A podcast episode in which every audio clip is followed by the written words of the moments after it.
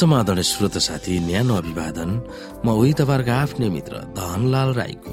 श्रोता आज म तपाईँहरूको बीचमा बाइबल सन्देश लिएर आएको छु। आजको बाइबल सन्देशको शीर्षक रहेको छ ऋणका समस्याहरू।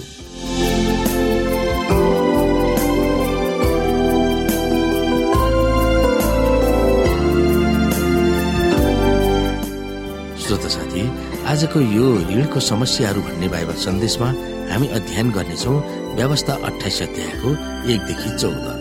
ऋणको बारेमा आफ्ना जनहरूको निम्ति परमेश्वरको आदर्श नीति के छ? यो नीतिमा हिँड्न तिनीहरूले के के गर्नुपर्छ? आजको विश्वमा तत्कालीन पौराणिक इजरायलीहरूको सन्दर्भमा ऋणको मामिला फरकै भए तापनि त्यहाँ दिएका नीतिहरूबाट हामी के सिक्न सक्दछौँ? आउनु श्रोता हामी यहाँ हेरौँ। आज मैले तिमीहरूलाई आदेश दिए बमोजिम।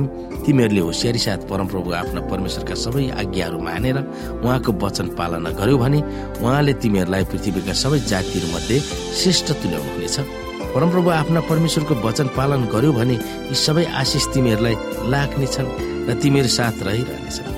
तिमीहरूले सहरमा आशिष पाउनेछौ र गाउँ बस्तीमा आशिष पाउनेछौ। तिमीहरूका सन्तानमाथि आशिष पर्नेछ साथै खेतका उब्जनीमाथि गाई बस्तुका बाछा बाछीमाथि भेडा बाख्राका पाठा पाठी तिनीहरूको डालो र तिनीहरूको पिठो मुछ्ने आरीमा आशिष पर्नेछ। भित्र आउँदा बाहिर जाँदा तिमीहरूले आशिष पाउनेछौ। तिमीहरूका विरुद्धमा आउने शत्रुलाई परमप्रभुले तिमीहरूकै सामु परास्त गर्नुहुनेछ। उनीहरू तिमीमाथि एक बाटो आउनेछन् तर तिमीबाट सात बाटो भाग्नेछन्। परमप्रभुले तिमीहरूको ढुकुटीमा र तिमीहरूका सबै काममा आशिष दिनुहुनेछ। परमप्रभु तिमीहरूका परमेश्वरले दिनुहुने देशमा उहाँले तिमीहरूलाई आशिष दिनुहुनेछ। परमप्रभु तिमीहरूका परमेश्वरका आज्ञाहरू मानेर उहाँका मार्गमा हिँड्यो भने उहाँले तिमीहरूलाई शपथ खाएर प्रतिज्ञा गर्नुभए झै तिमीहरूलाई आफ्नो लागि एक पवित्र जाति बनाएर स्थापित गर्नुहुनेछ। तब पृथ्वीका समस्त मानिसहरूले तिमीहरू परमप्रभुका नाउँले कहलिएका हौ भने थाहा पाउनेछन् र तिमीहरूसँग डराउनेछन्।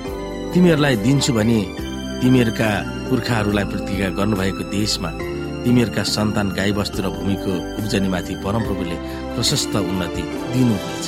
परमप्रभुले आकाश आफ्नो प्रशस्तताको भण्डार उघारेर तिमीहरूको भूमिमा ठिक ऋतुमा झरी पठाउनु हुनेछ र तिमीहरूका हातका सबै मेहनतमा आशिष दिनुहुनेछ। तिमीहरूले धेरै जातिलाई ऋण दिनेछौ तर कसैबाट ऋण लिने छैन मैले आज तिमीहरूलाई दिएका परमप्रभु तिमीहरूका परमेश्वरका आज्ञाहरूमा ध्यान दिएर ती होसियारी साथ पालन गर्यो भने परमप्रभुले तिमीहरूलाई पुच्छर होइन। तर शिर तुल्याउनु हुनेछ। तिमीहरू सधैँ टुप्पामा हुनेछौ कहिले फेदमा पर्ने छैन। मैले आज तिमीलाई दिएका आदेश मध्ये कुनैबाट दाहिने र देव्रेतिर लागेर अन्य देवी देवताका पछि लागे तिनीहरूको सेवा नगर। श्रोत साथी मानिसहरू आर्थिक समस्यामा पर्ने तीन कारणहरू छन् भनेर खोज अनुसन्धानले देखाएको छ। प्राय जसो बारम्बार घट्ने आधारमा ती कारणहरू उल्लेख गरिएको छ। प्रथमत अनज्ञाताको कारणले कतिपय मानिसहरू जतिसुकै शिक्षित भए तापनि आर्थिक मामिलामा अशिक्षित छन्।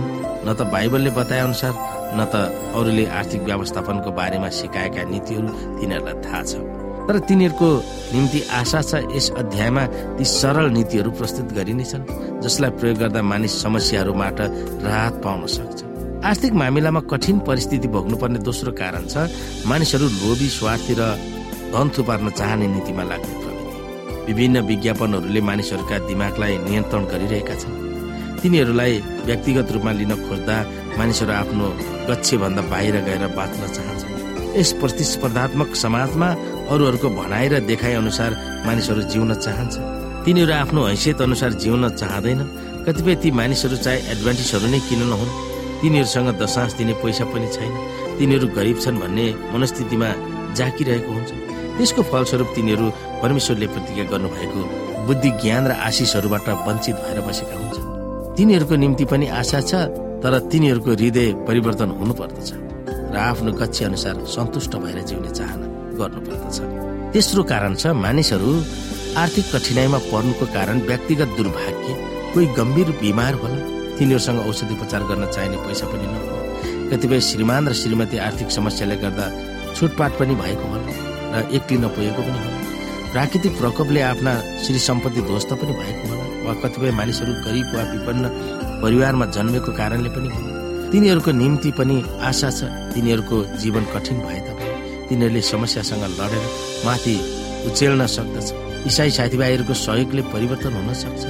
यसु भावना भावित भएका मानिसहरूको सरसल्लाहले तिनीहरूले राहत पाउन सक्दछ। असल शिक्षा पाएर कडे परिश्रम गर्दा तिनीहरूको जीवन सुधार्न सकिन्छ। अझ सबभन्दा मुख्य कुरो त परमेश्वरसँग टाँसिएर बस्दा उहाँको आशिषमा रहेर आफ्नो आर्थिक जीवन धान्न सक्दछ। तर जे कारण भए तापनि वा आफ्नै व्यक्तिगत कमी कमजोरीले गर्दा भए तापनि ऋण बिना मानिस जिउन सक्दछ। ऋणै लिने बाध्य भए तापनि तिनीहरूको जीवनमा केही परिवर्तन ल्याउन आवश्यक भएको ठान्नु पर्दछ। आफ्नो गच्छे अनुसार खर्च गरेर तिनीहरू आत्मसन्तुष्टि हुन आवश्यक छ। पैसाको मामिलामा तिनीहरूको प्राथमिकता के छ? सो पनि हामीले महसुस गर्नु आवश्यक छ। अन्तिम श्रोता हामीले एक तिमती छ अध्यायको छदेखि नौलाई हेर्न सक्छौँ। यहाँ पावलले के भनिरहेको छ जुन हामीले सिक्नु आवश्यक छ? उनले व्यक्त गरेको भावनाहरू तपाईँको निम्ति कस्तो अर्थमूलक छ? पावलले सिकाउन चाहेको अनुसार चल्न तपाईँ कसरी सुधारेर चल्नु पर्दछ? आउनु श्रोता हामी यहाँ हेरौँ। सन्तुष्टि सहितको भक्ति नै ठुलो लाभ किनकि हामीले न त यस संसारमा केही ल्यायौँ यहाँबाट फेरि केही लैजान सक्छौँ तर खाना र लाउन सम्म छ भने हामी त्यसैमा सन्तुष्ट हुनुपर्दछ तर धनी हुने इच्छा गर्नेहरू परीक्षामा पर्छन् पासोमा फस्छन् र धेरै अर्थहीन र दुःखदायी इच्छाहरूमा डुब्छन् जसले मानिसहरूलाई बर्बादी सर्वनाशमा डुबाउँछ किनभने रुपियाँ पैसाको मोह नै सबै किसिमका खराबीको जड हो। पैसाको लोभमा परेर कोही कोही विश्वासबाट कुमार्गतिर लागेका छन् र धेरै पीडाले तिनीहरूका हृदय रोचेका छन्। हामी हेर्दछौँ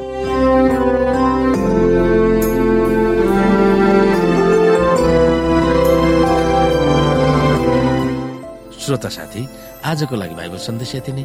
हस्त नमस्ते जय मसिंह।